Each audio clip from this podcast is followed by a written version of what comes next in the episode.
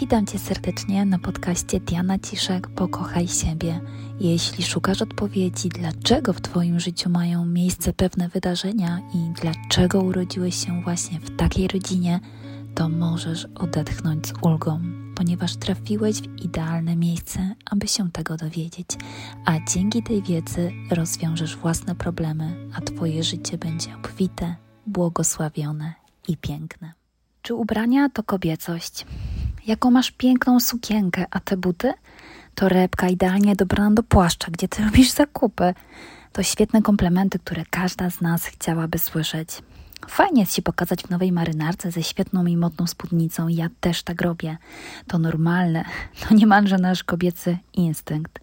Jednak należy jedną sprawę dosyć mocno zweryfikować. Mianowicie jaką? Czy twoja kobiecość to tylko ładna spódnica?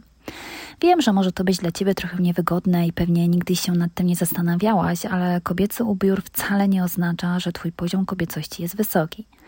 Ja zaczęłam się nad sobą zastanawiać, gdy robiłam analizę swojego rodu. Większość kobiet pięknie wyglądało i miało bardzo eleganckie ciuchy. Niestety, najczęściej były bardzo agresywne w zachowaniu i nie miały w sobie za wiele kobiecości. Zauważyłam to również mocno u siebie – Jaki jest schemat kobiecości w Twoim rodzie? Zastanów się dzisiaj, bo u mnie był schemat silnej kobiety ogarniaczki, która niejednokrotnie mimo spódnicy tak naprawdę nosiła spodnie i wszystkim rządziła. Czy to źle zapytasz?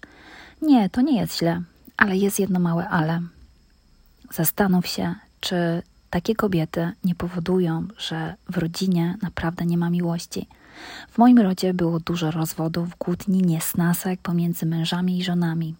I dlatego zaczęłam sobie zadawać pytania, dlaczego kobiety, które ładnie wyglądają, mają świetne ciuchy i dobre prace, nie tworzą szczęśliwych rodzin. Zaczęłam patrzeć na ich poziom kobiecości, ale nie jak dotychczas, na ciuchy i na wygląd. I okazało się, że tak naprawdę to właśnie tej prawdziwej kobiecości w sobie nie mają. Nie podają jedzenia z miłością, tylko na szybko. Ciągle są zdenerwowane, pretensjonalne, władcze i nie wspierają swojego męża i nie łagodzą konfliktów. Pamiętaj, nie chodzi o skrajności. Nie chodzi mi o to, żebyś od dzisiaj nie pracowała, chodziła w starych dresach i myła nogi mężowi i była jego służącą. Nie. To chodzi o to, żebyś z pokorą zweryfikowała, jaki jest u ciebie poziom kobiecości. Zadaj sobie pytanie, co robisz z miłością? Czy masz czas dla swojego męża? Czy nie jesteś krzykliwa, pretensjonalna?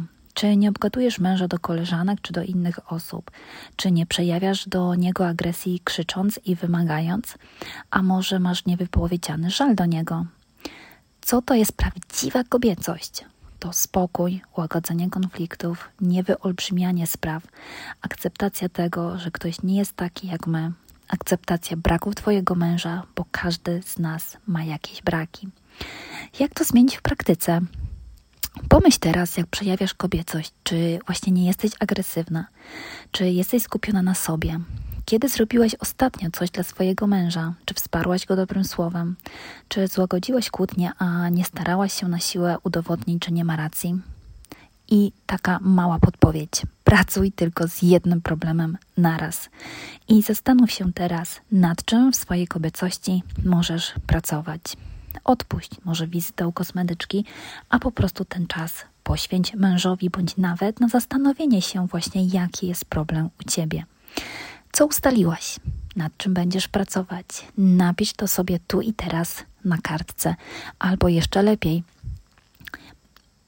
może potrzebujesz kobiecego przekodownika. Tam będziesz mogła właśnie pracować nad różnymi cechami. Zastanów się również, czy nie jesteś kłótliwa i zacznij świadomie panować nad sobą podczas najbliższej kłótni. Zmiana oczywiście nie przyjdzie od razu, ale zaufaj mi, swoim tempem na pewno przyjdzie, bo jeżeli nie żyjesz w kobiecości, to prędzej czy później to zacznie działać na Twoją niekorzyść, więc lepiej jest przepracować te cechy, które zauważasz u siebie wcześniej.